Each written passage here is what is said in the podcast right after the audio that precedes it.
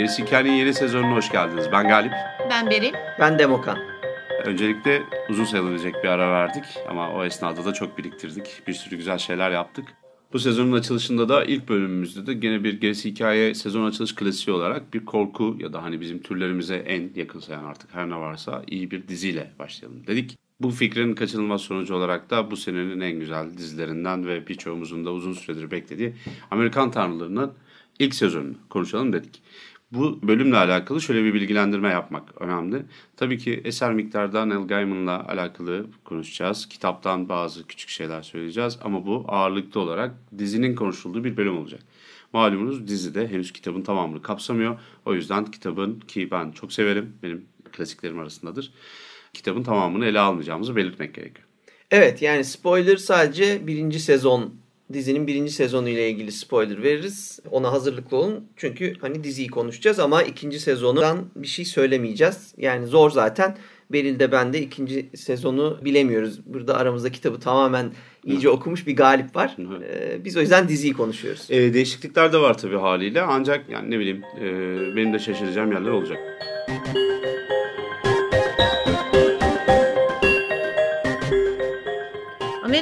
Tanrıları 2017 yapımı yani taze dumanı üstünde bir dizi. Pek çok çekmek isteyen olmuş bu döneme kadar. Fakat en nihayetinde Brian Fuller, Michael Green bu işi Starz'a götürerek ki bu özel bir kablo TV e, onun için çekmeye karar vermişler. Starz'ın portfolyosunda daha evvel bizim e, cinsellikle ve hani böyle şiddetle alakalı da çığır açtığını benim düşündüğüm en azından 2008-2009 yılı itibariyle Spartaküs gibi şeyler var, eserler var. Ve e, hem Brian Fuller'ın daha önce Hannibal'ı yaptığını da düşünürsek hem onun tarzıyla hem de Star'ın tarzıyla buluşan bir yapım olduğu için de hemen e, hemen değilse bile kabul edilmiş diye düşünüyorum. Evet.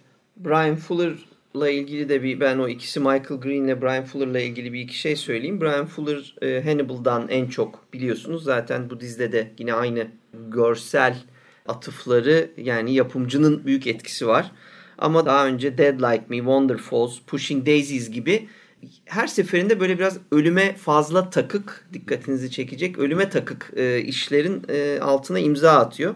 Michael Green biraz daha sinemada aslında bildiğimiz şeyler yapmış. Özellikle yazarlığıyla dikkat çekiyor. Green Lantern'ın, Logan'ın, Blade Runner 2049'un ve daha yeni gelecek olan Murder on the Orient Express'in e, screenplaylerinde e, senaryolarının yani hem ya tamamını yazmış ya ortak yaz, yazmışlar. E, Alien Covenant son Alien filminin de e, hikayesinde imzası var. Hmm.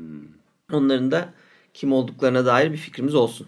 Evet projenin başında bunlar var ancak her bölümde farklı farklı yönetmenlerde görüyoruz. Aynı zamanda yazanlar da yani bölüm senaryolarını yazanlar da farklı farklı.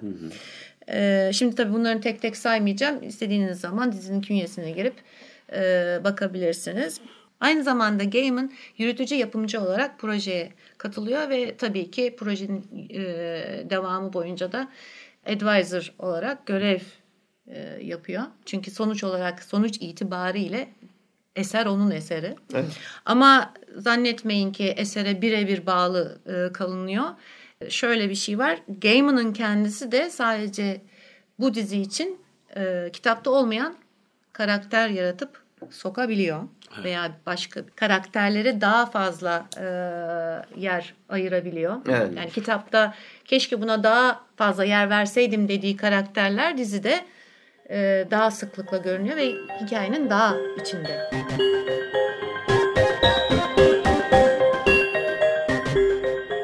Şöyle bir yanılgı oluyor. Filmleri aslında yani televizyon filmleri olduğu takdirde iş değişiyor da hani filmleri aslında e, yönetmenler yapıyor gibi bir şey düşünüyoruz. Yani bu algı da hani bizim o otörlerden kaynaklanıyor birazcık. Biraz da Türkiye'den kaynaklanıyor. Bizde yönetmendir filmlerin sahibi. Çok daha etkilidir. Yapımcılar işin iş kısmına daha çok bakardı. Şimdi tekrar tabii Amerikan usulüne dönüyoruz ama evet. Amerika'da bunun tam tersidir. Filmler yapımcılarındır her türlü, her koşulda. Onların etkisi evet. e, özellikle dizilerde zaten çok daha büyük. Aynen bunu söyleyecektim ben de. Brian Fuller işin içerisinde varsa işte hani böyle e, Michael Green'le beraber aslında yönetmenler minik minik detaylar haline geliyor. Kötü değil tabii ki ya da etkileri azdır diye söylemiyorum. Ama neticede böyle hani ağırlıklı etkisi yani hem görsel manada hem sanat manasında hem yani yorum ve söylem bağlamında falan hep Brian Fuller görürsünüz. O nedenle hani yönetmenler değişir, yapımcıların borusu öter. Dizilerde özellikle diye bir şey var. Türkiye tarafında da aynı şey gerçekleşiyor. Dediğin gibi bugün yani e, bizler yaptığımız işler nedeniyle zaman içerisinde, süreç içerisinde bir sürü yapımcıyla ve film yapımcısıyla, e, yapım şirketleriyle orada mesela yönetmenle neredeyse en son görüşüyorsunuz. Yani o iyi mi kötü mü o tartışılır. Ancak genelde hep yapımcı, yürütücü yapımcılarla e, daha çok şey oluyorsunuz, e, muhatap oluyorsunuz diye bir durum var. E, biraz oyunculara değinmek istiyorum ben. Öncelikle başrolde olan Ian McShane Demoka'nın da benim de bilmiyorum galiba sen ne, ne durumdasın şey ama ben çok severim evet. e, In McShane'i. Özellikle Lovejoy'un müptelasıydım zamanında. Ben Hatta bir ara antikacı olmaya bile karar vermiştim yani sırf onun yüzünden. O 80'ler falan çok eski işler pardon, tabii pardon. o. Ee, Özür dilerim. Yok yok ben Antik dönemlere doğru kayman lazım. Shadow Moon'u falan ben karıştırdım. Şimdi bunların hepsi zaten sağlam İngilizce oyuncular oldukları için bir kaçış şansınız yok. Bu Shakespearean Code'a falan da büyük ihtimalle dünyanın oyununu koydu kendisi. Evet Mr. Wednesday yani. Evet. Ee, Ian McShane. Ben de zaten özellikle maalesef bitmeyen e, Deadwood dizisinden e, Swearingen karakterini özellikle çok severim. Burada da yine Swearingen kokusu aldığım bir zaten böyle güce aç ama es, yani o istediği güce bir türlü kavuşamamış. İlginç bir yani benzer aslında bir üç dünyayı biraz dışa vuruyor. O yüzden yine çok keyifli bir e, rol olmuş. Bu arada İmmak şeyine başka bir rol e, teklif ediyorlar. Şimdi hatırlamıyorum tam olarak neydi.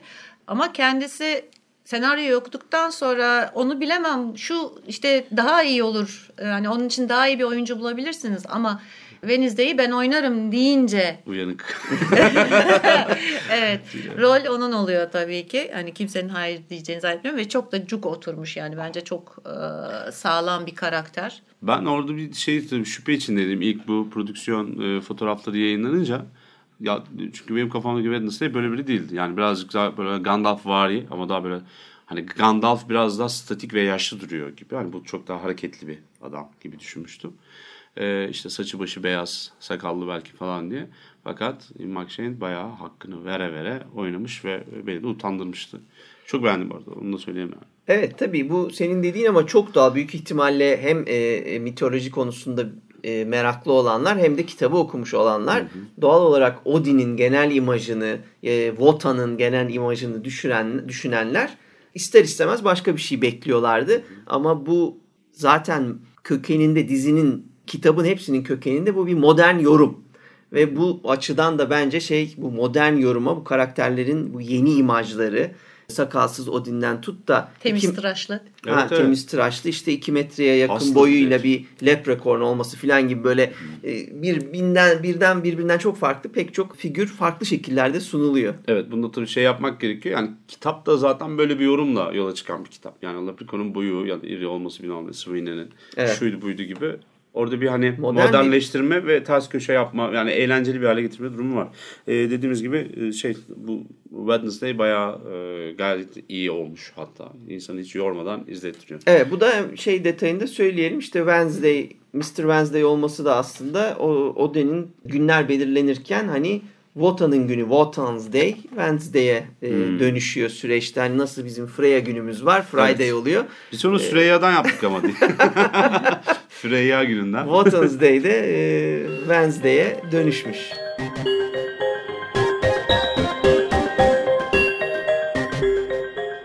Gelelim Shadow Moon'a. Ricky Whittle bir dizi oyuncusu. Yani ben bir baktım hani nerelerde hı hı. E, var diye. Çok da şey gelmiyor. Yabancı gelmiyor ama nereden hani çıkardığımı da bilemedim. Tabii izleyen vardır yoktur. The Hundred'da e, oynamış. Ama çok fazla hani bilinirliği e, yok hı aktör olarak. Ama dizi aktörü olduğu kesin. Hı hı. E, o şekilde gördüm. En azından bana o şekilde göründü. Orada şöyle bir durum da var tabii. Belirtmeden geçmek istemedim. O yüzden ama atlıyorum oraya. Nedense bir tipi ifade ediyor. Dediğin gibi dizi aktörü diyorsun ya onun gibi var aslında zaten. Yani onu andıran. Ama bir yandan da hani bu benzerlerinin ya da paralellerinin bir üstüne çıkan bir oyunculuk da koydu. Mesela ben e, ya kitap okuyan insanların hep bir şey olur ya bir ufak muhafazakarlığı vardır. Ne demek yani falan. Ben böyle düşünmemiştim falan dersiniz böyle şımarıkça. Ben de e, Shadow'u böyle düşünmemiştim. Shadow Moon'u, gölgeyi. Çünkü hani gölge bir defa Amerikan yerlisiydi. Zencil falan olduğu yazmıyordu. Ve yani böyle Arnold vari devlikte kocaman bir bodyciydi. Yani şeyde şimdiki Shadow'umuz da bayağı kaslı, yapılı falan bir adam. Kapı gibi bir herif. Ancak Evet. o değildi yani. Ondan daha bir 15 kilo daha ağırdı. Öyle söyleyeyim. Bu biraz daha zarif. Ya evet yani bu olmuş zaten. Onda bir sıkıntı yok. Yani modernleştirme doğru olmuş gibi. Çünkü öbür türlüsünde hani insanlar ellerinde kast ajansında ne varsa günümüzün modası tipi neyse onu dayıya veriyorlar. Yani onun gibi bir sürü adam var diyorsun. Ancak burada e, yani o sıranın dışına çıkmayı başarabilmiş. Biraz da ben şeyi de düşünüyorum yani Ian McShane'le yan yana oynadığında oraya kimi koysan e, bayağı bir e, gelişir. E, kendini daha iyi hani Gösterir. sunmanı gösterecek yolu bulur. Yani bayağı güzel aktörler bir araya gelince sonuçta e, ister istemez o oluşan sinerji de e, hepimize yansıyor. Bu arada beni e, kendimden geçiren Gillian Anderson oldu. Ya Ee, ya şahane olmuş. Yani tek kelimeyle şahane olmuş. Medya Evet. olarak yeni tanrılardan medya olarak onlara da birazdan geleceğiz zaten. Fakat yani bir insan mimikleriyle, duruşuyla bu kadar mı uygun olur bir role?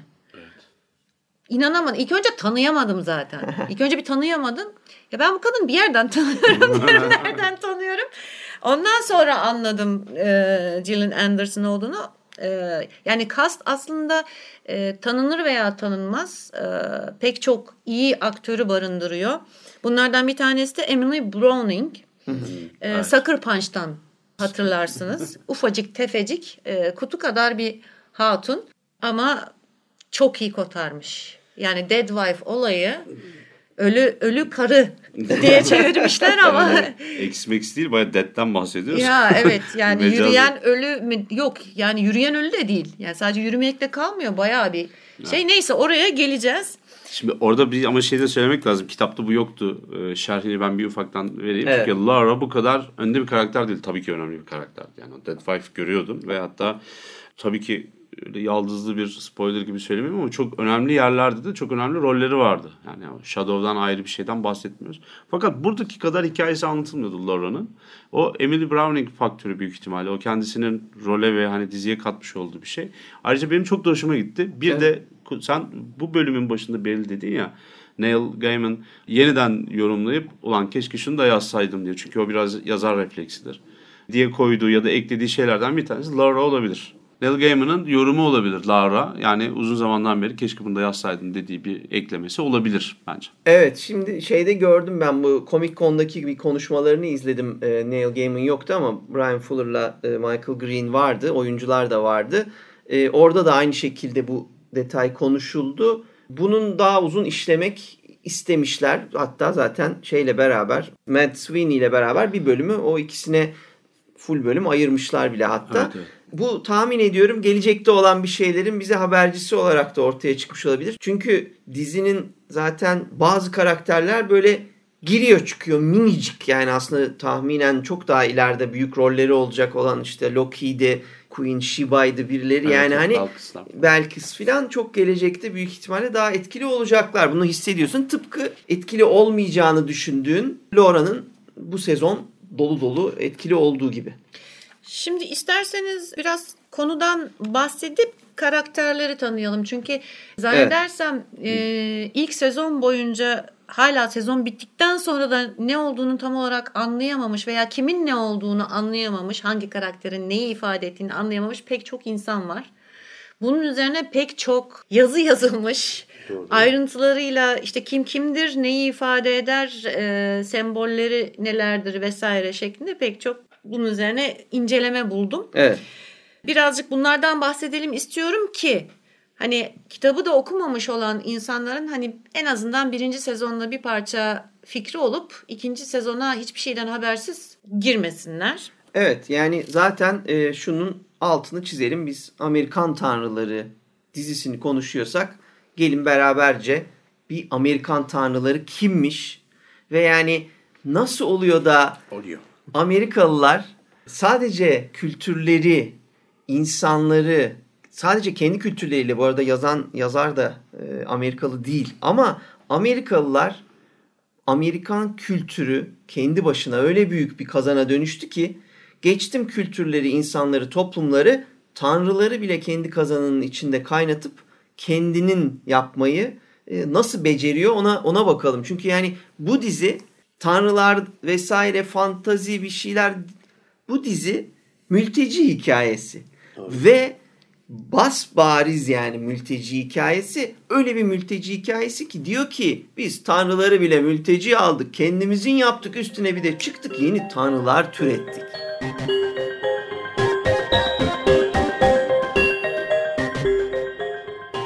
Şimdi e, öncelikle şunu söylemek gerekiyor. Biz e, tek tanrılı bir dünyada yaşıyoruz. Dünyanın en hakim olan dinleri, e, ilk üç dini hatta yani All Star dinleri e, tek tanrılı dinler. Tek tanrılı dinler aslında tek tanrılı bir dünya yaratıyorlar ve bir düşünce yapısı. Ondan sonra bir yaklaşım içerisinde oluyorsunuz. Geri kalan dinlerin %99'u azınlık hatta azınlık bile sayılamayacak vaziyette. Ee, bir kısım hani böyle hani Doğu mistizmi, Zen, Budizm falan gibi şeyler arada yükseliyorsa da gene de hiçbiri Müslümanlıkla, Hristiyanlıkla, Musevilikle e, böyle ölçüşecek gibi değil. Tek tanrılı dinlerin getirmiş olduğu bir kavram var. O da bugünkü bizim mesela konumuzdaki şeyle çatışan, başlıkla çatışan bir durum. O da Tanrı. Yani Amerikan tanrısı değil, Amerikan tanrılarını konuşuyoruz şu an. Tanrı nedir mesela? Tanrı aslına bakarsanız en kaba tabiriyle kendi başına bir bölüm, bir gerisi hikaye bölümünü kaplayacak kadar e, önemli bir büyük bir konu. İçerisinde şunu barındırıyor. Her şeyi bilen, her şeyi gücü yeten, her yerde bulunan, kaçırılmaz olarak ve sonsuz derecede basit olan, yani o kadar karmaşık da olmayan, en aptal insanın bile algılayabileceği kadar var olan bir yapı. Yani yapı da değil. Hatta bazen bir kişi oluyor, bazen bir toplam bir şey oluyor. Bu tanrı tanımı Amerikan tanrılarında geçen ya da hani böyle çok tanrılı dinlerde geçen tanrı kavramıyla uyuşmuyor. Çünkü o tanrıların bazıları her yerde bulunamıyor. Bazıları her şeyi bilmiyor. Bazıları her şey bir şeyler falan. Aslında bakarsanız tam bir fable türündeki hikaye gibi bir tanrıdan bahsediyoruz burada. Çünkü yani fable'ın da yanlış bilinen tanımına göre sadece hayvanlar, ağaçlar vesaireler doğa konuşur falan gibi. Aslında doğa güçleri konuşur. Ya da insan özellikleri alır. Yani konuşmak insan özelliğinden ileri geliyor gibi bir durum var. Yani Thor'un, Odin'in vesaire dünya üzerindeki yansımaları aslında bakarsanız doğanın güçlerinin tanrısallaştırılması gibi geliyor. O nedenle bizim tanrı tanımımız tek tanrılı dünyadaki aslına bakarsanız Amerikan tanrıların hepsinin toplamının ya da bütün dünya tanrılarının toplamının adı oluyor. Yani tanrılar eşittir tanrı. Burada da çok güzel bir felsefi başka bir şey var. E, o da hani çoğulun aslında tekile eşitlenmesi ya da hani bir bütüne dönüşü vermesi gibi bir şey. Ama başında da dediğim gibi bu uzun tiratın bu başka bir gerisi hikaye konusu. Bu nedenle bizim burada kafamız karışmasın. Bunların hiçbirisi sizin algınızdaki doğduğunuz günden beri size öğretilen tanrı kavramı ile ilgili değil. Buradaki tanrılar mümkünse eski mitolojik yaratıklar. Ayrıca hiçbiri bizdeki gibi, bize öğretilen gibi toplam ya da her şeye hakim böyle yani kamil bir tanrı değil. Evet evet yani bu vücut bulmuş tanrı meselesi Yunan panteonundakiyle de zaten oradan da birileri girip çıkıyor. İnsanlarla ilişki içine girebilen, insanlarla aynı şekilde vücut bulabilen, bulmuş ve sadece belirli doğanın belirli özelliklerini yansıtan tanrılar bunlar. Son olarak da tabii şunu da söyleyeyim puzzle'ın bir yani ortada kocaman bir inanç inanç puzzle'ı varsa mesela ve onun adı Tanrıysa o puzzle'ın parçalarından birer tanesi işte Odin, Thor gibi bir şey var. Tabii benim burada yapmış olduğum şeyler e, tanımlar benim kendi bildiğim kadarıyla oluyor ve burada da bir ahkam kesmiyorum aslında. Benim kendi araştırmamdan yorum yürütmem bu. O nedenle oradaki tanrılarla buradaki tanrıyı karşılaştırmayın. Kimse bir şeye şirk koşuyor diye bir şey duymak istemiyorum. zaten bu edebiyat şirkler, zaten, şirkler yok yani. şey. E, zaten biz sadece yapılmış bir işin üzerine konuşuyoruz. E, Brian Fuller'la Michael Green'in peşine koşun. Şu sonuca varabiliriz. Bu tanrılar kusurlu tanrılar. Yes. Yani öyle her şeye kadir, e, sonsuz bilgeliğe sahip, sevgi dolu, yaratıcı tanrılar değil. Bu tanrılar e, mitolojide de olduğu gibi kusurlu tanrılar. Her birinin bir zayıf yönü var. Her birinin güçlü olduğu bir yönü var. Her birinin bir ajandası var. Aynen öyle. Her birinin bir ajandası var. Ee, ve bu ajandada, bu dizide ne yazık ki şöyle söyleyelim. Eski tanrılar ve yeni tanrıların ajandasına dönüşüyor. Doğru. Ki eski tanrılar demin Demokan'ın söylediği gibi mülteci olarak yani hepsi mülteci olarak geliyor ama yeni tanrılar orada doğuyorlar. Aslında burada iki taraf var. Bir tarafta Amerika'ya göç eden mültecilerle beraber gelen eski tanrılar ki bunlar da mülteci. Ve Amerikalı öğrenmek, Amerikalı olmayı öğrenmeye çalışıyorlar ama asla öğrenemiyorlar. Diğer tarafta yeni tanrılar var. Amerikalılar tarafından yaratılmış ama Amerika'da doğup, Amerika'da büyüyüp, Amerika'da yaşayan tanrılar bunlar. Yani gerçek Amerikalılar. Deyim yerindeyse. Buna Amerikana diyorlar. Yani Amerika'nın şeyi ve ikonla Amerika'yı birleştirerek bir şey yapmışlar. Ama ben orada bir e, yani fikrine katılmayacağım değil ama bir, sanki orada bir noksan gördüğüm bir şey var. Yani şeyi sormak istiyorum. Yani Amerika neydi? Amerika emekti falan dedi komik bir şekilde bağlayacağım. Amerika neydi diye düşündüğün zaman şunu görüyorsun. Yani bu bahsetmiş olduğun şey aslında hani Amerikan tanrılarını ya da e, tüm dünya tanrıları yeni bulunmuş bir kıtaya gittikleri zaman gurbetçi tanrılarına dönüşüyor. Ve ondan sonra da orada yeni tanrıların ortaya çıkarken eski tanrılardan yararlanması gerekiyor gibi bir şey bir fikir geliyor benim aklıma mesela mantık yürüttüğümde. Ama biz orada şunu görüyoruz. Yeni tanrılar o kıtanın bilhassa yaratıp bütün dünyayı ele geçiren kıtalar yani medya bütün dünya, dünya. üzerinde tartışılmaz. Zaten Bay Dünya diye biri var. Onun spoiler oldu mu bilmiyorum. Mr. World. Yok hayır ha. Mr. World. Ha. Yani e, bunlar aslında yeni tanrılar diyebiliriz ama Amerika'nın kendi tanrıları da değil. Artık dünya tanrıları. Dünyanın böyle hani geldiği yerde eski tanrılara yer yok. No no country for old gods diyebilirsin. Anladın mı? Çünkü öyle bir durum var orada. Ama bir yandan da hani e, gurbetçiler yanında götürüyor, orada yaşıyorlar falan. Yani bizim de yakın olduğumuz bir hikaye bu. Biz de çünkü çok göç verdik. E, insanlar geldiler buraya uyuşamadık. Yani belki dalga geçtik, belki üzüldük falan gibi. Tabii şimdi burada ben de bir kısa araya girip şunu söyleyeceğim bununla ilgili. Amer esas Amerikalı meselesi zaten Amerikalı olduğunuz zaman çok kaotik ve karmaşık bir mesele. Ve esas Amerikan tanrısı gibi bir şey varsa o sadece belki dizide görünen Buffalo olabilir. Çünkü gerçekten yerel olan, gerçekten dışarıdan gelmemiş olan bir o Kızılderililerin orada var olduğunu varsayarsak eskiden en eskiden onların olası tanrıları en fazla gerçek yerel Amerikalı tanrılar olabilir. Ondan sonra gelenlerin hepsi dışarıdan gelen mülteci tanrılar. Hı hı. Bu noktada da Berlin dediği gibi Amerika'da doğmuş olan yeni tanrılar ise kesinlikle teknolojinin şansı diyelim Amerikalı olmakla yetinmemiş anında dünyaya hükmedecek güçlere sahip olmuş tanrılara dönüşmüşler. Çok güzel topladın. Aynen öyle.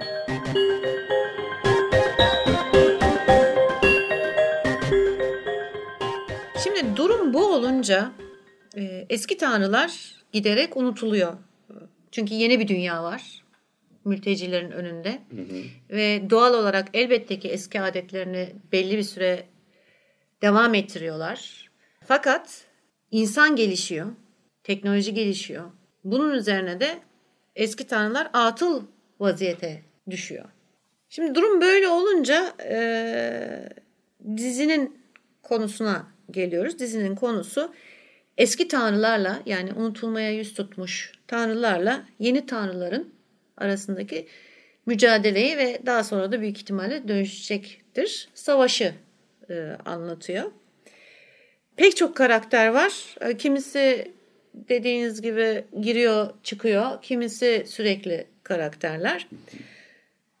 Baş karakterimiz Mr. Wednesday. Baş karakterimiz Mr. Wednesday mi yoksa Shadow Moon mu? Aslında ikisi de baş karakter denilebilir. Aslında Shadow Moon'un hikayesi bu. Fakat bana göre hani dizinin ne anlatmak istediğini düşündüğüm zaman bu bana göre Wednesday'in hikayesi olmuş oluyor. Hı hı.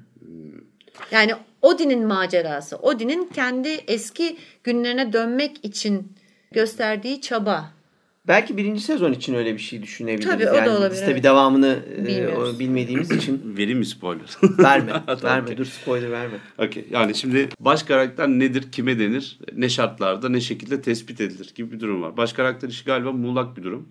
Yani hero'su var, anti hero'su var. Kahramanın geçmişine göre gelmiş olduğu toplumsal sınıfa göre bir şey oluyor. Ama ben hedef olarak şunu düşünüyorum. Yani kimin üzerinden, kimin gözünden, kimin omzundan anlattın. Yani kim ilk defa karşılaşıyor o vakayla ya da o dünyayla gibi düşünebilirsiniz. Yani kimin refakatinde ya da e, yoldaşlığında karşılaşıyorsunuz gibi bir durum var orada. Böyle bakınca tabii ki Shadow Moon oluyor. E, Gölge Ay Bey. E, ama bir yandan da hani esas alt tarafta bütün bu akışı, dünyayı kurgulayan, işleri bok eden kişi kim diye baktığın zaman bir başka bir daha var orada. Yani o zaman da bizim Odin Bey'e geliyoruz işte Bay Çarşamba'ya. Ve orada da bir karmaşa yaratılıyor. Aslına bakarsanız teknik olarak bence Shadow Moon zaten kahramanımız o.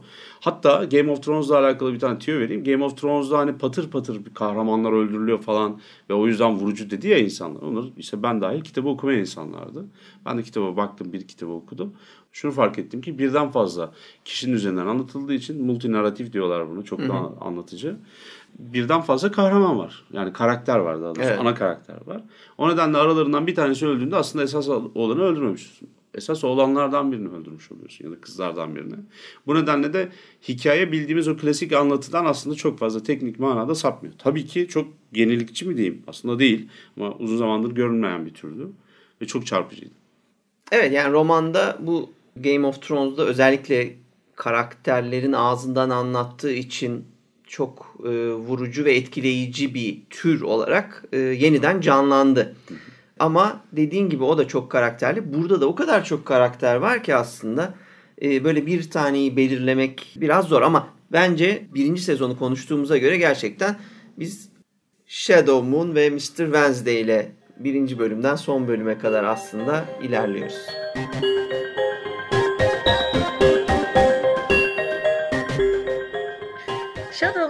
tefek sahtekarlıklar yaparak geçinen bir adam. Dizide göreceğiniz üzere tam kendini düzeltmek üzereyken talihsiz bir hatta düzenlenmiş bir talih yoluyla hapse düşüyor. Zaten dizinin ilk bölümünde de onun hapisteki bir iki gününü ve ardından çıkışını izliyoruz. Genel olarak bana göre tamam sahtekar olabilir, hapse düşmüş olabilir vesaire. Fakat içsel anlamda pek çok kişiden daha dürüst olduğunu söyleyebilirim. Dürüst bir yaşamı özleyen ancak bir türlü o yaşamı yakalayamayan bir adam. Evet. Ya aslına bakarsanız biraz kader mahkumu gibi. Çünkü hani yani babası yok. Hayatta kalabilmek için yapması gereken şeyler var. Annesiyle de çok büyük pörçük hatırlıyor zaten. Şey, ilişkisi o seviyede. Bir, tuhaf tek başına bir adam aslında hayatta kalabilmek için e, yapması gereken şeyi yapmış bir kişi ve yani özünde kötü bir adam değil. Özünde bir de nötr bir adam benim gözüme bakarsanız. Yani Evet, doğru. Şeyden kitaptan baktığınız zaman ne yapmaması gerektiğini biliyor. Şimdi bu hani içsel bir şey değil. Bu öğretilmiş bir şey. Bu hani süper egonun birazcık dayatmış olduğu bir şey. Bunu bunu yaparsan hapse girersin. Ha hapis kötü tamam okey. Ben egoyu şöyle formatlayayım falan diyor kendisi. O nedenle de görüyoruz ki adam ya ne yapmaması gerektiğini biliyor. Hatta Bay Çarşamba'yla ilk anlaşırken diyor ki bak sen benim infazım var onu yakma falan getiriyor. Çünkü hani e, şartlı tahliye oluyor ve o yüzden de hep şeyi söylüyor yani e, benim şartlı tahliyem var bazı yapamayacağım şeyler var. Onun işte hani içkili yere giremem. 12'den sonra şurada olmam lazım. İş hani sigortamı yatıracağım mı falan vesaire gibi durumlar var şartta. Evet. Bunu diyor karmamı bok etme diyor aslında. Biraz tekrar hapse girmek istemiyorum diyor. Orada da. Ve onu da çok bilerek söylüyor. Yani o birazcık öğrenilmiş bir hani iyilik ama adam kötü bir adam değil onu da söyleyeyim. Yani dürüst ve iyi. Belki de en fazla ilişki kurabileceğiniz kişi yani. Tabii şu anda geleceği işte bilmiyorum ama zaten en insan olan bütün karakterler arasında şimdilik belki de hatırlamadığından onu şu an tabii dediğim gibi geleceği gerçekten hiç bilmeden sö- e, bunları söylüyorum ama diğerlerinin hepsi bir tanrı imajıyla ilerlerken o bir insan imajıyla büyünün olmadığı bir dünyadan büyünün olduğu bir dünyayı kabullenme yolunda e, bu sezon ilerliyor. Evet. Gelelim Mr. Wednesday'e. Ee, Mr. Wednesday'in dizinin ilk sezonunun son bölümüne kadar kim olduğunu tam olarak anlayamıyoruz. Tabii ipuçları var. Anlayan anlıyor. Ama hani mitolojiye çok meraklı olmayan veya ufak tefek ipuçlarını yakalayamayan kişiler için söyleyelim kendisi Odin'dir. Odin Bey. Odin Bey. Aynen öyle. Şimdi e, ilk bölümde de den ilk bölümden itibaren göreceksiniz. Hemen hemen her bölüm zaten Amerika'ya geliş hikayesiyle e, başlıyor ve büyük ihtimalle diğer sezonlarda da öyle bir e, karar almışlar. Her bölüm bir Amerika'ya geliş hikayesiyle başlayacakmış. Yani bir tanrının Amerika'ya gelişi bazen bir insanla Evet. beraber bazen Aynen. yalnız. İşte bir Deity'nin aslında bir gelişi de var. Matt de mesela o şekilde geliyor. Leprechaun vesaire de. Kitap da öyle bu arada. Onu da hemen araya sıkıştırıvereyim. Kitapta da böyle ara parçalar atılıyor. Çok iyi bir yazma tekniği olduğunu düşünüyorum. Ben Neil Gaiman'ı çok severim. Tam hikayeye çok yükseldiğinde hani yorucu bir hale geldiğinde kafanız karıştığında falan araya bir kısım atıyor ve o kısımlar kendi başına çok kuvvetliler. Ve hani hem bağlıyor hikayeye hem bağlamıyor ama bir yandan da hani sizi şeyle dolduruyor. Kitabın konseptiyle, dünyasıyla dolduruyor. O yüzden şeyi de çok severim. Bu arada dizdeki en güçlü şeyler de gene onlardı. Yani Amerika'ya geliş hikayesi. Bir zamanlar Amerika'da diye. Evet. Ki ilk bölümde direkt olarak e, gördüğümüz Amerika'ya geliş hikayesi Vikinglerin. Daha henüz keşfedilmemiş ve Vikinglerin yolu Amerika'ya düşüyor ya da daha sonra Amerika olarak adlandırılacak kara parçasına. Buraya çıktıklarında rüzgarları kesiliyor, mahsur kalıyorlar. Bunun için de inandıkları Tanrı'ya onu memnun edecek şeyler yapmaya çalışıyorlar. Şimdi burada birkaç şey göreceksiniz. Anlam veremeyebilirsiniz. İlki gözlerini kör etmeleri, tek gözlerini kör etmeleri. Bu Odin'e gene yapılmış bir atıf. Çünkü Odin bilgi kuyusundan su içebilmek için tek gözünü feda ediyor. Ee, buradan oraya atıf yapıldığı Evet, bu- anlaşılabilir. Yani daha ilk bölümde aslında Odin'e atıf yapıldığı anlaşılabilir ama dediğim gibi çok alakası alakalı olmayan biri için tamamen bir e, bulmaca Evet Tadında. evet bu bu yani mitolojik bir bilgi bu. Ee, yoksa dizide böyle bir şey açıklanmıyor yani bunun Evet. Odin'le Ama- bağlantısı. Bilirsen görürsün. Ama Iron McShane mesela şeyini görüyorsunuz. Gözün bir tanesi Farklı renk. sabit. Bir diğeri de Odin savaş tanrısı en sonunda rüzgarı bulamayınca birbirleriyle savaşmaya karar veriyorlar. Bu da gene Odin'e atıf. Ee, ve birbirlerini öldürmeye başladıklarında bu sefer çağrıları duyuluyor. Ee, kara parçasını terk ediyorlar ve bir daha asla dönmemek üzere yemin ediyorlar. Bu nasıl bir mahalleymiş lan bu? Altımızdan Aynen tekneyi öyle. aldılar bunlar diye. Evet.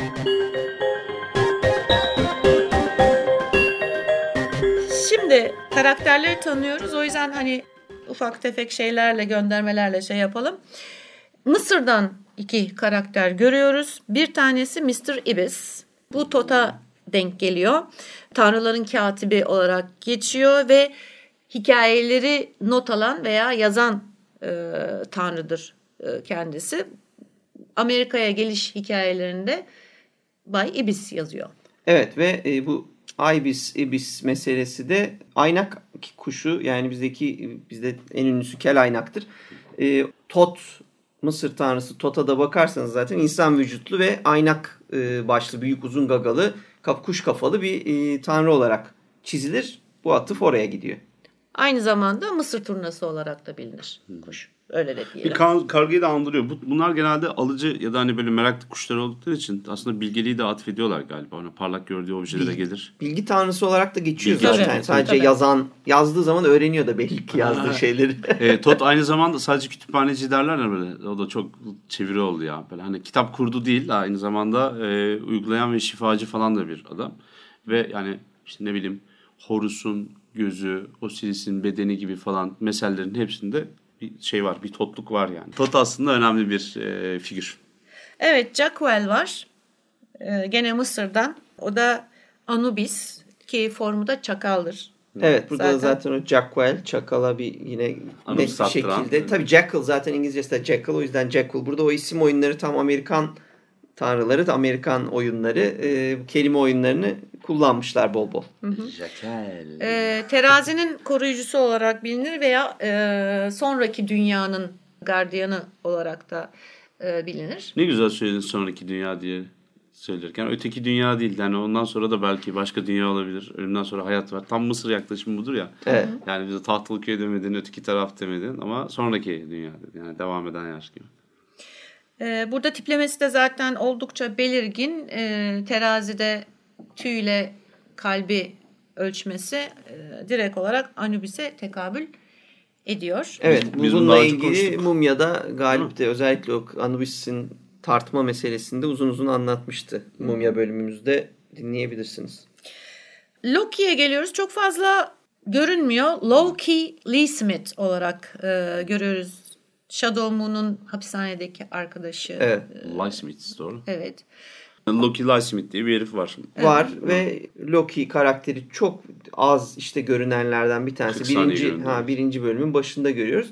Ama şu etkisini görüyoruz. Başta Shadow'un kulağına fısıldayan bir karakter. Yarın artık ne olur onu bilemeyiz. Evet çıktığında verdiği bazı fikirler var çünkü. Kulağına fısıldıyor. Aynen Net öyle. Loki Lokilik yapıyor yani. İkinci sezonda daha çok bir rolü olacak ve e, daha etkin göreceğiz. Çünkü Jonathan Tucker adında çok da sevilen ve hani böyle yakışıklı da bir aktör oynuyor.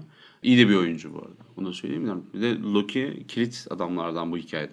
Evet evet zaten bütün hikayelerde de Loki çok iyi bir kilittir. Yani so- e, aranan kandır her zaman e, böyle kötü adam imajında. Ger işte o tarafsız kendi tarafında olan kötü adam sadece kötülük uğruna kötülük yapmayan kötü adam filan imajları açısından e, değerli bir e, karakterdir hikayecilikte Loki. Burada da ben o Comic Con e, buluşmasında o da e, dahil olmuştu e, Amerikan Tanrılarının e, sohbetinde.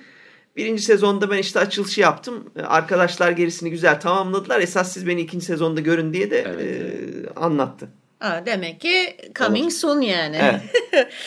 Okey. Ee, bu arada eski tanrılardan gidiyorum karakterleri tanıtırken. Ee, daha sonra yenilere de geleceğim. Bilkis var.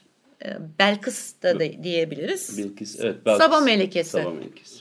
Aynen öyle. Yani bu yine bilmeyenler için bayağı aslında bu Kur'an'da da adı geçen e, ve Süleyman hmm, Hazreti Süleyman'la e, muhatap olan bir e, kraliçe Şiba kraliçesi. Belkıs olarak yani merak ediyorsanız oradan araştırabilirsiniz karakteri. Burada yine çok büyük bir rolü yok ama çok etkileyici birkaç sahneyle aslında gelecek için büyük potansiyeli olduğunu da hatırlatıyor bize dizide Evet. bu sezon. Bir de Belkıs'ı tabii hani birazcık daha e, işte böyle hani Ankara pavyonundaki ablalara falan benzettiklerini de düşünüyorum. Zarı tutku etkisiyle devamlı seviştirdiler onu. Bir yandan hani doğru olan yerleri var ama bir yandan da hani Belkıs sadece o demek değil. Çünkü hani aşk tanrıçası bu günümüzde aşk sadece sevişmeye vesaire tekabül etmiyor. Ya da gözden düşmüş aşk sadece genel ev demek değil. Yani orada bir depresyon da anlatılabilirdi. Depresyonu sadece güzellik üzerinden, fiziksel güzellik üzerinden tanımlıyorlar falan gibi bir kısım var. Ama bu da Amerikan bakış açısı. Amerika, yani. %100 Amerikan Aynen bakış açısı olduğu için ben hiç mesela yadırgamadım Evet, o evet yani o sembolik söylediğini. bakış biraz sanki yani oradaki sembolizm birazcık kayıyor gibi geliyor bana. Kitapta da güçlüdür bayağı çünkü. Yani o- O- yer- yerleri var bunların. Bir de tanrı değil bu arada yani. Onu da söyleyeyim. Yani tek tanrılı dinlerin e, hikayeleştirdiği başka bir şey. E, isis değil yani anlatacağımız. Yarı, ta- ha, aynen Ya, öyle. bir- Yarı e, şey olarak geçiyor zaten. Demon ifrit. Yalnız Yarı- burada bak yine biz tabii detay bilgiyle biz kendi geçmişimizle, kendi mitoloji bilgimizle işte e, dinler tarihi bilgimizle giriyoruz. Şu bence yine çok Amerikan bir şekilde doğal olarak apaçık ortada ki burada görünenlerin hepsi Tanrı Amerikalılar için. Yani Leprechaun da Tanrı merak etme sen bunların hepsi Tanrı. Çünkü hepsi vücut bulmuşlar. Hepsi doğaüstü bir şeyler yapabiliyorlar. Mr. Wednesday'in daha birinci bölümden bize hissettirip kısa sürede de açıkladığı gibi bir noktada ulaşılacak tanrılar arasındaki savaşta savaşacak varlıklar oldukları için bunlar büyüklü küçüklü tanrılar belki diyebiliriz ama genel olarak abi işte tanrı işte cin de tanrı, o da tanrı, Belkıs da tanrı, hepsi tanrı. Evet. Çünkü onlar Amerikan tanrıları Yani- gibi bir yere doğru gidiyoruz. Evet, bu işte aslında Neil Gaiman'ın e, perspektifiyle çok alakalı. O, bence bu kitap aslına bakarsanız bir şehir fantazisi sınırı ve e, çok daha fazla fable damarı taşıyor. Yani bu ha- haliyle sadece gelenek ya da mitolojiyi rekonstrüksiyonla hani modernleştirmeyle yeniden kurmuyor. Aslına bakarsanız size burada çok ciddi bir hepsini bir arada kullanabileceği bir şey yaratıyor. Bir fable yaratıyor. O da çok sever burada. Yani bir urban fable yaratmayı çok beğenir.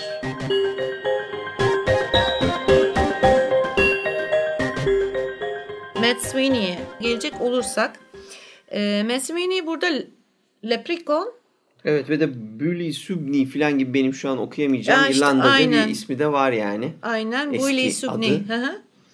Bully Subney e, eski bir ne derler kahraman öyle söyleyelim. Savaş zamanı yeniliyor ve aklını kaçırıyor.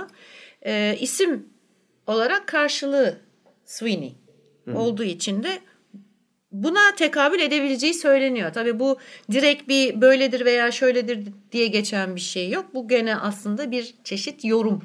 Şimdi Leprechaun'a gelecek olursak bence Matt Sweeney karakteri gerçekten en azından benim hayal dünyamda tam olarak oturdu.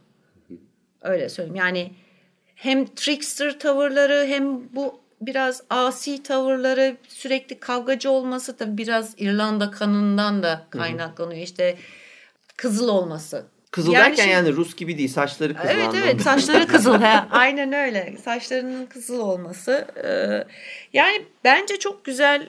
Aktörü çok iyi bulmuşlar. Yani bunlar bu dizideki bütün aktörler çok iyi oturmuş ama Matt Sweeney bir başka oturmuş. Bir de saçları kendi saçlı değil falan. Böyle. Adam zaten Yahudi. da İrlandalı değil galiba. şeyin e, neydi bizim Leib bir şeyin e, Sabretooth'u falan da oynar. Ray Donovan, oynar. Onun kardeşi aslında. Çok andırıyorlar ama benzemiyorlar birbirlerine. Ben onu bilmiyordum. Ama. Ama Matt Sweeney karakteriyle alakalı ben de şunu söylemek isterim. Mesela benim aklımdaki Matt Sweeney e, şeyde bu değildi. Beni şaşırtan kaslardan bir tanesi bu. Aslında benziyor tabii kitaptaki anlatıyor şu bu da. Hani şimdi karşında gördüğün zaman başka bu herif de kocaman bir adam. Ve e, ben mesela daha göbekli, daha iri falan sürekli içen kavga çıkartan böyle e, atletle geziyor falan. Wife beater askılı atletlerle gezen tipler işte hani bar kuşu falan tadında takılan bir şey bekliyordum ama böyle göbekli Onun, göbekli. onun, onun için Çernobog çıktı karşımıza tabii Evet. daha sonra Evet. falan. Tam Çernobog tam o dediğin şeye bir anda biraz daha yaşlısı tabii ama. Çernovak'ı da mesela emekli tutunamamış adam diye düşünüyordum. O da dediğin gibi hani böyle tam bir kaybeden haline geldi. Hani böyle sarhoş baba tipinde. Evet. Onların ikisini bir- birbirinden iyi ayırmışlar. Bir yandan da hani Matt Sweeney karakteri bayağı iyi olmuş. Sweeney göndermesi de hem İrlanda hem de e, şey tarafı da var. Penny Dreadful tarafı da vardır. Sweeney Todd vardır. Penny. Dreadful'lar içinde katil berber işte Evet. bir şey sokağına. Ee, en önemli, en akılda kalan karakterlerden bir tanesi olduğundan Sweeney bilinir yani. Onu da affetmemiş zaten. Neil Gaiman çok da iyi bir edebiyatçı olduğu için yakalıyorlar şu an. Ee, Mr. Nancy var. Sevdiklerimden bir tanesi. Kendisi terzi. Anansı. Öyle söyleyelim. Esas trickster yani e, aldatıcı mı diyelim, şakacı mı diyelim, e, dolandırıcı mı diyelim artık bir ne de hikayeci de diyebiliriz. Hikayeci de tabii diyebiliriz tabii. Yani. Olay... Şinbaz falan diyebiliriz ama o da şimdi uydurdum. Evet. Kurnaz gibi. Ha, Mr. Nancy bu arada da işte Anansi aslında Tanrı'nın adı ve işte yine bu oyunu orada yapıyoruz. Anansi, Mr. Nancy, Nancy, gibilerinden evet. bir ses benzeşmesiyle. Anansi Aştani yani bugünün Gana'lı insanların inandığı e, bir tanrı. Kimi zaman hatta çoğunlukla örümcek olarak tasvir ediliyor. Gene bölümlerden bir tanesine Amerika'ya geliş görüyoruz. Kölelerin Hollandalı denizciler tarafından Amerika'ya getirilişi esnasında gemide beliri veriyor ve oradaki köle olmak üzere götürülen e, siyah insanlara diyor ki e, sizi bekleyen budur. O, tabii bunu benim söylediğim gibi söylemiyor ama çok daha güzel bir dille anlatıyor. Muazzam bir tirat vardı orada. Orada Alakası çok yok güzel, yani bizden. aynen öyle. Çok güzel bir tirat var. Trickster dememizin sebebi şu. Kendi yani karşısındakine yardım eder gibi görünürken aynı zamanda kendine kurban da almış oluyor. Burada çok iyi görebiliriz o köle gemisinin sahnesinde. O yüzden Mr. Nancy epey bir hani güvenilmez tanrı modunda olduğunu söylemek lazım. Bunu da şeyde söyleyelim bu arada. Eski tanrılar öyle yani şey değiller. Eskiden tanrıya bakışta biz ne yaparsak yapalım tanrı hep bağışlayıcıdır bilmem ne böyle bir şeyler yok. Tanrılar genelde e, kurallarına uymazsan adamın canını canını okuyabilen İntikamcı şeyler. olabiliyorlar gayet. Aynen. Ki zaten bu çok da eskide kalmış bir şey değil. Yani genel olarak birazcık e, bakarsak aslında yeni Tanrı. Tanrı e, imajına da üç kitapta da bakarsanız e, intikamcı da bir Tanrı olduğunu e, bu inan yani Tanrı hakkındaki bu bakışın insanların yarattığı bu bakışın çok değişmediğini burada biraz daha dedim insani böyle çok daha minik olaylar üzerinden çok daha insani tepkiler verdiklerini burada görebiliyoruz. Yani iş aslında birazcık PR gibi görünüyor şu an bizdeki algı. Hani çünkü eski Atit tanrısı diye bir derim de vardır. İntikam alan ve kan Yani Tanrı kan istiyor muhabbeti vardır. Molekül. Evet. O mesela direkt olarak burada karşımıza geliyor. E, bir yandan da Anansi aynı zamanda şeyi de kuruyor. Yani çocuklarını kolluyor da. Afrika'dan Amerika'ya getirilen köyler arasında vesaire arasında bir, bir şey de sağlıyor. Yani o bir güç de aynı zamanda. O yüzden Anansi'nin kendi tarafına çekilmesi Odin tarafından önemsenen bir numara. Çernobog'a gelelim. Bu biz eski Slav tanrısı. Ee, karanlık tanrısı olarak e, geçiyor ve çekiç kullanmasından dolayı da biraz Thor'a benzetiliyor. İşin açıkçası ama Thor kadar heroik bir yapısı yok. Daha karanlık bir yapısı var. Hem, hem karanlık olması önemli bir de şu yine işin Amerikanlaştırılması açısından meselenin şunu söylemek isterim. Altı çizilebilir. Aslında bu kuzey tanrılarının Slav tanrılarının arasında da o kadar böyle burada adı geçecek, daha önce geçebilecek bir sürü tanrı varken bunun adının öne çıkmasını ben şeye bağlıyorum biraz. Ee, zamanında Walt Disney'in o Fantazya e, çizgi filminde ona çok böyle müthiş böyle şeytan imajlı dev kanatlı rol verilmişti. O rol tabii ki bu Chernobog'un Amerika'da daha iyi bilinmesini sağladı. Ve o iyi bilindiği için belki de ben öyle düşündüm en azından öne çıkarılıyor burada. Yoksa yani ne Odin kadar büyük o e, şeyin içinde dev hikayenin Pantheon. içinde ne de o kadar etkili bir şey e, tanrı. Ama burada kendine güzel bir yer edinmiş. Beğendiğimiz de bir oyuncuyla e, iyi olmuş bence. Peter Stormare. Sen seversin bu adamı. Ben de Çernobog'la alakalı şöyle bir şey söyleyeyim. Aslında bu e, Bay Lebok e, yani tam zıttı ve Kardeşi, kardeşiyle yani bu Habil Kabil zıttığında olduğu gibi aslında bir, bir şeyi anlatıyorlar. Bir bütünü anlatıyorlar. Karanlığın, kaosun, gecenin, ölümün vesairenin böyle hani sonun tanrısı olarak geçiyor ama bayağı bildiğin kara tanrı. Öbürsü ak tanrı. Eğer bir tanrılar savaşı olacaksa Odin'in şey yaptığı hayalini kurduğu şeyde Amerikan tanrılarında hani çünkü hani biz geri alacağız dünyayı falan gibi bir hırsı var ya onun. Orada mesela bayağı tanklayacak büyük savaşçılardan bir tanesi elindeki çekiciyle. Bir de yani çekiç var çekiç var. Bunu söyleyeyim ama Thor'un çekici birazcık da demirci çekici gibi görünüyor. Bu adamların elindeki bayağı bina yıktınız balyoz, Balyoz, aslında. evet. Alev alev bir tahta balyozu olduğu söylerler onun. Ha, Tahta dediğim ağaç gövdesi olarak düşünün onu da. Ee, böyle bir şey var. O yüzden e, çok güçlü. Aynı Game of Thrones'daki Baratheon'un savaş e, balyozu gibi bir şey de var. Bir havası da var. O yüzden önemli bir savaşçı değil. İlkten tavlanıyor. Hemen Çernobog'un arkasından zaten onlar birlikte yaşıyorlar dizide göreceksiniz. Üç tane kız kardeş var. Bunlar da Slav mitolojisinden gelme. Üç tane Zorya soyadları da Üç çok tane zor. Zorya. Ee, evet, soyadları değil onlar adları diye tahmin ediyorum ben. En azından ben öyle algıladım. Evet.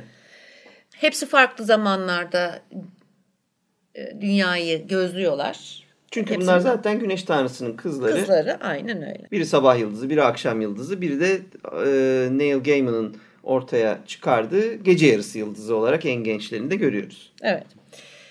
Ee, gene bir Amerika'ya geliş hikayesi e, var. Beşinci bölümde olması lazım. Ee, 14 bin yılında İsa'dan önce 14 bin yılında olması lazım. Bir e, Sibirya'dan bir grup insan e, geliyor. Bu animasyon olarak çekilmiş bir e, bölüm. Amerika'ya geliş hikayesi. Nunyo Ninni e, diye bir tanrı. Bu tanrının tam olarak neye tekabül olduğu belli değil. En azından benim açımdan değil. Fakat e, Cherokee'lerin mitinden alındığı söyleniyor. Nun Yunu Vi adlı bir canavardan esinlenerek. Bir yandan da şöyle bir şey var. Zaten e, Neil Gaiman zaten bu tanrının ki böyle değildi galiba ismi tam hatırlayamadım. E, bilinir olmasıyla alakalı bir iddiası yok. Ölmüş tanrılar var çünkü unutulmuş. Bu onlardan biri zaten Aynen öyle. unutulmuş ve ölmüş. Yani hiçbir şekilde izi yok. Tam yok fantazi yani. yani. bu kısım. Uydurabilir. İstediğini söyleyebilir. Ama müthişti tabii o da yani o sahne. Çünkü orada öyle o dilde de konuşuyorlar. Burada Bering'den gelen ilk taş şey pardon buz çağı insanları şey Türkler onlar, Türkler biliyorsun. Benimden Türk. geldiler. Ya. Türkler, Kızılderili Türkler. bir at başı gibi geldi. Ve şey e, oldukça duygusal bir hikaye denilebilir. Vulkan var sadece bu dizi için yaratılmış bir tanrı. Kitapta yok Vulkan. O da Antik Roma'ya e, ithafen ateş ateş ve demirci tanrısı. Tanrıların silahlarını dövüyor. Aslında yani bayağı bildiğin demirci, silahtar, falan cebeci derler Evet, evet. ona. Yani silah yapıyor. Bir de ama çok Amerikalı. Hani dedin ya şimdi hani Roma Amerikalılar kendilerini Roma'dan bir soy görüyorlar. Hani o bir gönül bağı kuruyorlar böyle. İşte imparatorluk biz de imparatorluğuz Aynen. kıvamında anca eşleşebilecek. Bir de savaşçı milletiz falan diyor. Bence duygusal milletler. Onu söyleyeyim. Türkler gibi aslında. Belki yani Türklerle en büyük bağları o. Türk şeyler Amerikalı. Neyse ama şeyde dizide müthiş bir küçük Amerikan kasabası ve hani Kentucky'de otomatik olmasa bile bildiğin ağır makinalı silah alabiliyorsun. Ee, yani evinde bulunduruyorsun ya da onunla şeye gidebiliyorsun. Ya en son Silah Las Vegas'ta var. gördük zaten yani tahminen Las Vegas'taki olay olsaydı zaten o bölümü yayınlayamazlardı. Bravo. Aynen öyle. Bildiğin Amerikan gerçeğinin bir parodisi. Hem de bir yandan her şey o kadar doğru ki. Yani bu karikatür diyemiyorsun. Çok gerçek yani. Bize karikatür yani. Yok yok Biz değil. ya. dışarıdan Evet, evet. bize karikatür. Dışarıdan baktığı zaman biz derken sana bana olmasa da Hmm. dışarıdan kültürü bilmeyen birisi için artık bu kadar da olmaz arkadaş diyeceğin türde bir yerden bahsediyorsun. Herkesin ellerinde otomatik silahlar, havaya mermiler sıkılıyor vesaire. İşte geçen hafta olduğu gibi biz gördük Las Vegas'ta yani bir adamın on binlerce mermi sıkabileceğini isterse. Evet, inanılmaz bir şey. Bu tanrı da e, aynı zamanda insan e, kurban istiyor ve zaten ediyor da. Artık kendi için silah dövüyor. Kurşun döküyor falan. Kurşun döküyor çünkü Evet, artık sonuçta da- onlar kurşuna dönüşmüş. Evet sonuçta da oraya gitmemizin sebebi Odin'in savaşta bir kılıca ihtiyaç duyması ve onun kılıcını dövmesi. S- Son olarak eski tanrı, tanrılardan Easter var. Easter antik Germen tanrıçası. Baharın ve şafağın tanrıçası. Yenilik yani doğaya yenilik, e, yetişme ve kimi zaman da tekrardan canlandırma.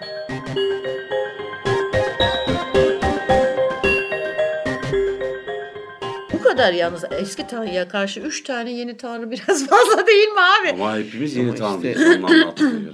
İfrit var. İfrit'e girmeme gerek var mı? Var. Bence Evet, bence, bence de. dizinin en önemli sahnesi İfrit için yazıldı. Yok adam zaten böyle yani ne bileyim İfrit'in musallat olması öyleyse hiç o işe girmeyelim abi falan. Ateşi harlı hissetti. Buyurun. Evet. Ee, son olarak eskilerden cin var ya da diğer bir adıyla ifrit. Ee, bu cinimiz dilekleri gerçekleştirmiyor ama dizi esasında e, gene de bir anlamda Salem'in dileğini bir parça olsun gerçekleştirmiş oluyor. Ee, hayatlarını değiş tokuş ederek. Şimdi gelelim yeni olanlara. Yeni olanlar zaten çok belli. Technical Boy var. Tamamen bilgisayar, internet, e, işte ona bağlı. Hyper ve Cyber adam. Evet. Ya tam tam bir sopalık tabii ki yani adam Tam tipine bakınca. Çünkü hani en yeni çıkan ne varsa onları alıp deneyip ondan sonra bunun üzerine incecik sesiyle vlog falan çeken tipler var. Mesela onları çok andırıyor. Sanat yönetimi işi çok iyi çözdüğü için üstüne başına bilmem kıyafetine falan da ayrıca özen göstermiş. Tam bir IT departmanı faresi derler yani orada cirit attığı için. Ee, ve genç. Çünkü hani bilgisayar teknolojisi genç olduğu için böyle hareketli IT elemanı da genelde genç çiziliyor.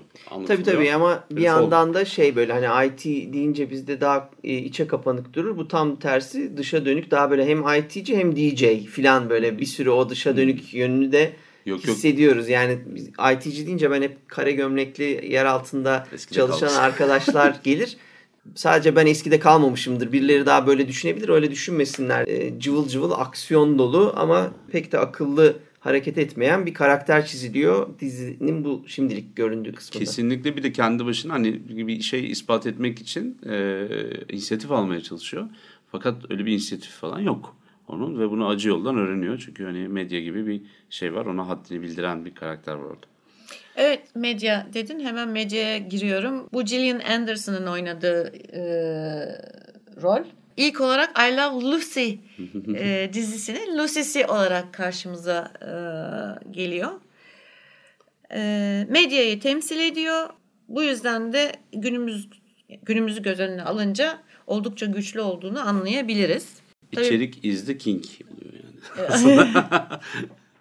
Bu arada tabii bunların da ötesinde ya da bunların da tepesinde biri var. İkisinden de güçlü. O da Mr. World. Bu da yeni bir tanrı. Ee, Bay Dünya. Bu da globalleşmeyi temsil ediyor. Evet. Çok güzel bir nokta. Bu isim insanların aklını karıştırabilir ama bu Gaia değil. Yani Evet, kesinlikle. e, Yeni- Doğa Ana'dan bahsetmiyoruz. Aslında toplam dünyadan, aslında tek dünya e, devletinden falan bahsediyoruz burada. Ya da tek dünya kültüründen bahsediyoruz günümüzle ilgili. E, o yüzden bu dediğin gibi küreselleşme karşılıyor aslında beyefendi. Bir de ben şeyi de yani oynayan Crispin Glover'ı da çok severim. Ee, ta Back to the Future'dan itibaren orada Martin'in babasını oynardı. Oradan beri hep böyle çok cins, çok garip rollerde görmüşüzdür. Böyle arada derede girer çıkar. Benzer bir tipi oynar böyle sorunlu e, hareketleri e, olan tipleri oynar. Bence güzel. O da çok iyi bir casting olmuş. Şeyde de oynamıyor muydu ya Charlie'nin meleklerinde de? Oynuyordu, kılıçlı olan. Evet, kılıçlı Hmm. olan. Ben o karakteri çok severim.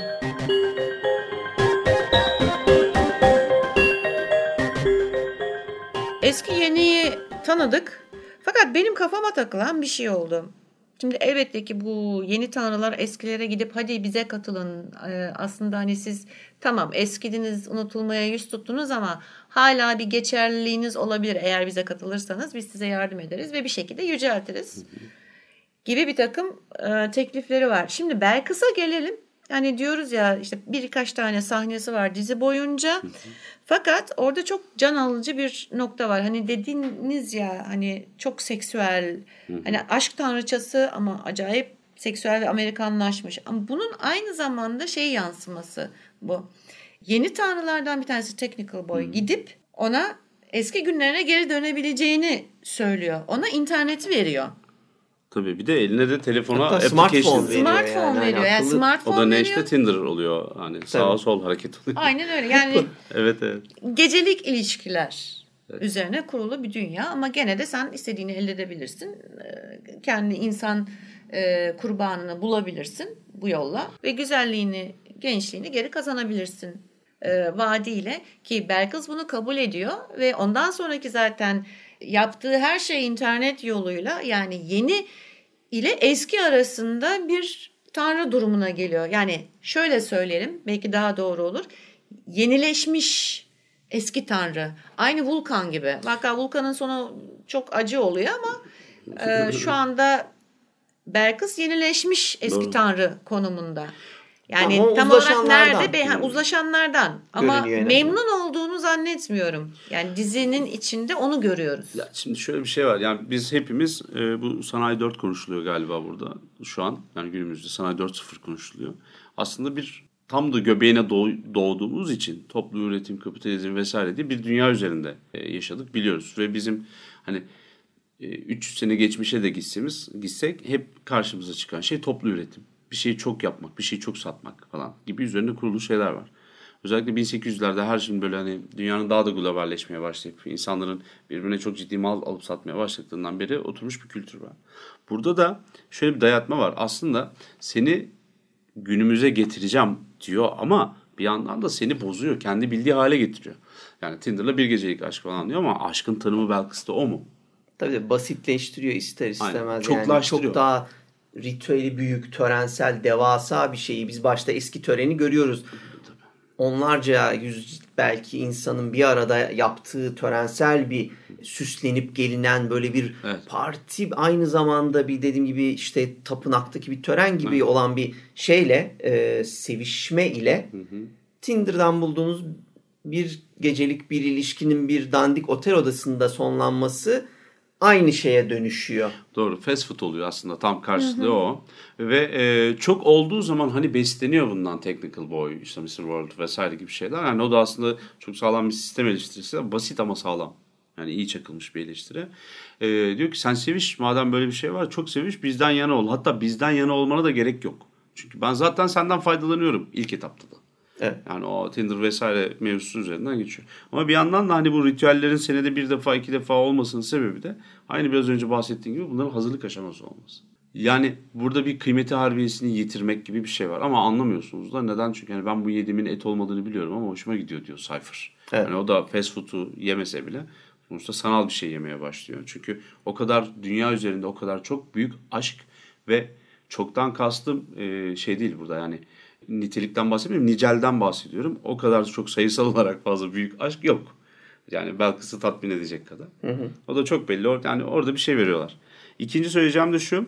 Bazı tanrıların yeni tanrılar tarafından düşman kabul edilmeyip bütün eski tanrıların uzlaşma, ikna yolunda gidilmesi de ilginç bir yöntem. Çünkü yani bir maliyet hesabı yapıyorlar. Aslında tam günümüzü gene anlatıyor.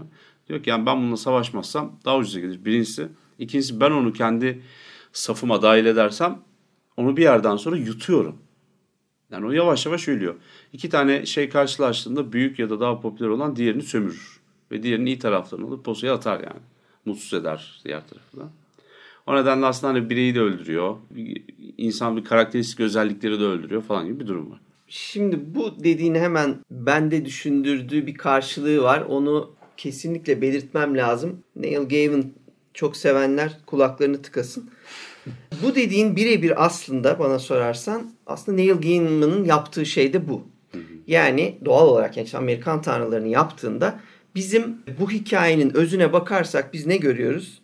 Eğer insanlar senin için tören yapmaya devam eder, senin adını anar, sana dua ederse yaşarsın.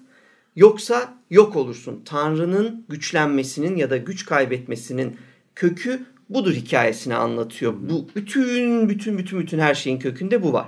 Peki bu bize neyi hatırlatıyor? Neil Gaiman burada ne almış? İşte eskiden çok enfes bir hikaye var. Bu bana Sir James Matthew Barry'i hatırlatıyor.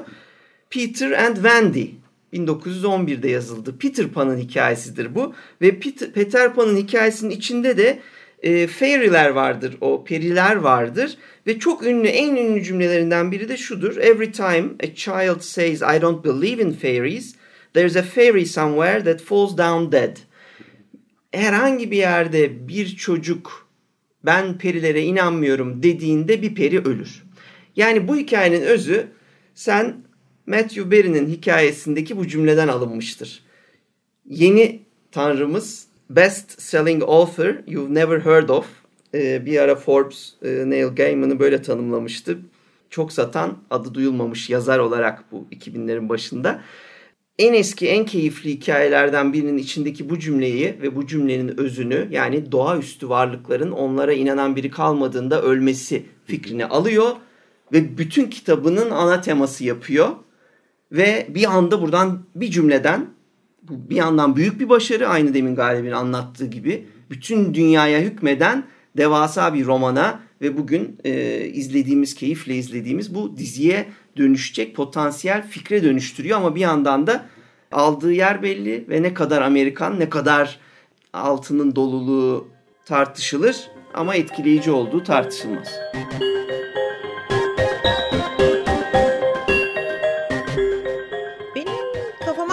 Başka bir nokta daha var. Yani hani dedik ya e, eski tanrıların kendi güçlerini tekrardan kazanmak istemeleri, insanlara e, kendilerine inanmalarını sağlamaya çalışmaları ki zaten Shadow'a ikide bir soruya inanıyor musun, inanıyor musun e, diye Mr. Wednesday.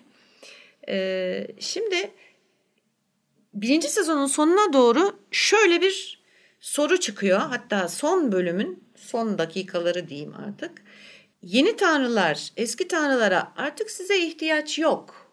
Yani eğer ya bize boyun eğeceksiniz ya da yok olup gideceksiniz dediklerinde orada müthiş bir ego var. Ve bu egodan başka hiçbir şey gözleri görmüyor. Aslında bu çok iyi anlatıyor yeni şeyleri. Fakat işte burada spoiler veriyorum. Dikkatli olun. Easter'ın baharı geri almasıyla aslında yeni tanrıların ne kadar güçsüz olduğunu görüyoruz. Çünkü insanın tamam insan e, bugün yaşamak için internete ihtiyaç duyuyor, medyaya ihtiyaç duyuyor, globalleştiği için artık ondan ayrı kalamıyor. Ama insanın yemek yemeye ihtiyacı var, evet. temiz hava solumaya ihtiyacı var, su içmeye ihtiyacı var. Yani e, esas ana yaşamının temel ihtiyaçlar. Temel ihtiyaçlarını elinden aldığın zaman yeni tanrıların hiçbir önemi kalmaz. Zaten onu oynuyorlardı. Dediğin gibi yani taşmayacak bu millet falan gibi bir durumda var iç tarafında. Bu biraz önce söylemiş olduğun örnek ben Peter Pan benzetmesini çok e, severek Neil Gaiman'ın kullandığını düşünüyorum. Hani Neverwhere Neverland Kesinlikle tarafına. çok kullanıyor. zaten ben de o yüzden yani zaten etkilendi diyelim bütün ama. Bütün evet. olayı o bence Neil Gaiman'ın yani enfes bir şekilde aldığını tartışmıyoruz. Ama bunu yaptığını da bilelim. Tam sen, çünkü örneği sen verdin. Tam senin verdiğin örnekle bence çok tutuyordu. Consumerism diyorlar yani tüketimcilik falan tüketim toplumu falan diyor. Oradan geçiyor. Neil Gaiman'ın ilginç bir kalemi var. Çok da sevdiği insanlar ve o yüzden öyle çıktı. Neil Gaiman gibi yazan bir sürü insan vardı belki. Ama yani onun ayarında yazmıyor da olabilirler. Ee, iyi bir yazardan bahsediyoruz burada. Ama e, şöyle bir durum da var mesela. Ön plana çıkartılması, bir anda süperstar haline gelmesi, çok etkilemesi. Tabii ki eseri ama eseri olduğu kadar tanıtımla da alakalı bir şey diye düşünüyorum. Amerikan Tanrıları çünkü 2001 yılında çıktığında e, Ferhan Ertürk tarafından Altın Kitaplardan ya da İnkılap'tan galiba hemen ertesinde Türkiye'de yayınlandı. Ya da devam eden senesinde. E, bir anda böyle bir sansasyon yaratıldı vesaire gibi bir durum var. Neil Gaiman'la alakalı benim başka bir rahatsızlığım var. O da şu. Kendisi çok iyi bir urban fantazi yazarı ama urban fantazi dediğimiz şey aslında kara fantazinin bir alt türü gibi geliyor bana. Kara fantaziyi sırf sıradan insanlar ya da midesi kaldırabilen insanlar da okuyabilsin diye hafiften minnoş biraz sevimli bir hale getirip yazar Neil Gaiman. Çünkü daha naif bir perspektifi, dünya bakışı vardır. Ama işte hani mesela anlattığı hikayelerin bir kısmını Clive Barker benim en çok sevdiğim yazar. Hı hı. Anlatsa mesela şaşıp kalırsınız. Yani bu aslında sulandırmak gibi oluyor bana. Yani dozajı düşürmek gibi oluyor bir yandan. İyi bir hikaye öldürüyor mu? Hayır. Ama iyi bir e, kara fantaziyle bir yani kendisini epik fantazi olarak tanımlar Clive Barker ama kara fantastik yazar. Sert yetişkinlere yönelik bir korku hikayesi yazdığı zaman Aa Neil Gaiman da böyle yazıyor dedirtiyor mesela kendine. Çünkü yani Neil Gaiman'dan daha evvel Clive Barker olduğu halde bir şekilde. Büyük ihtimalle etkilendiği de halde. Çünkü onun da karanlık şeyleri var. Orada sanki biraz rol çalıyor ve biraz daha ön plana çıkıyor gibi şey var. Neil Gaiman'ı ayrıca tar- konuşup tartışmalıyız. Yani. Çin'e bu 4-5 sene evvel bir laf söyledi. Siz çok iyi üretirsiniz ama hiç hayal gücünüz yoktur dedi mesela.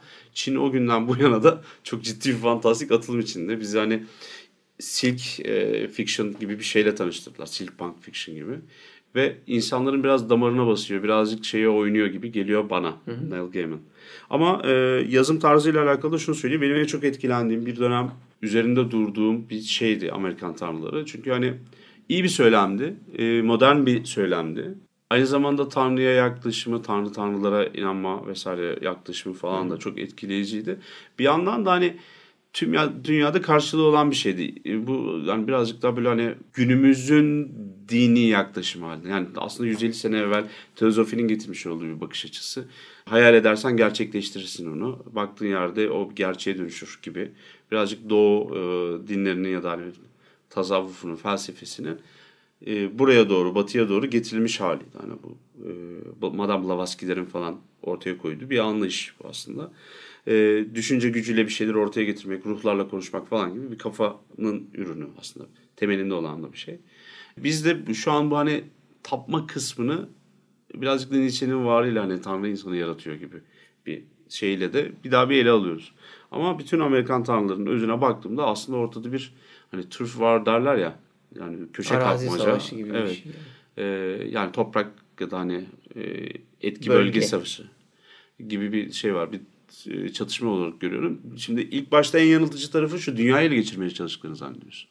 Dünyayı değil insanları ele geçirmeye çalışıyorlar. Yani dünya üzerinde insan olmadığı zaman tanrılar için önemli değil kısmı da var. Mesela en çok üzerinde durulması gereken, anlatılması gereken şey birazcık da belki bu. Var olmalarının sebebi insan. Yani aslında verdiği mesaj çok bariz mesaj bu. Evet. İnsan varsa ve insan sizi anıyorsa varsınız. İnsan sizi unuttuysa ölürsünüz. Her şey insan için diye sulandırayım evet 5. sezonun ilk bölümünde Amerikan Tanrıları biraz daha doğrusu ağırlıklı olarak Amerikan Tanrıları dizisinin birinci sezonunu konuştuk.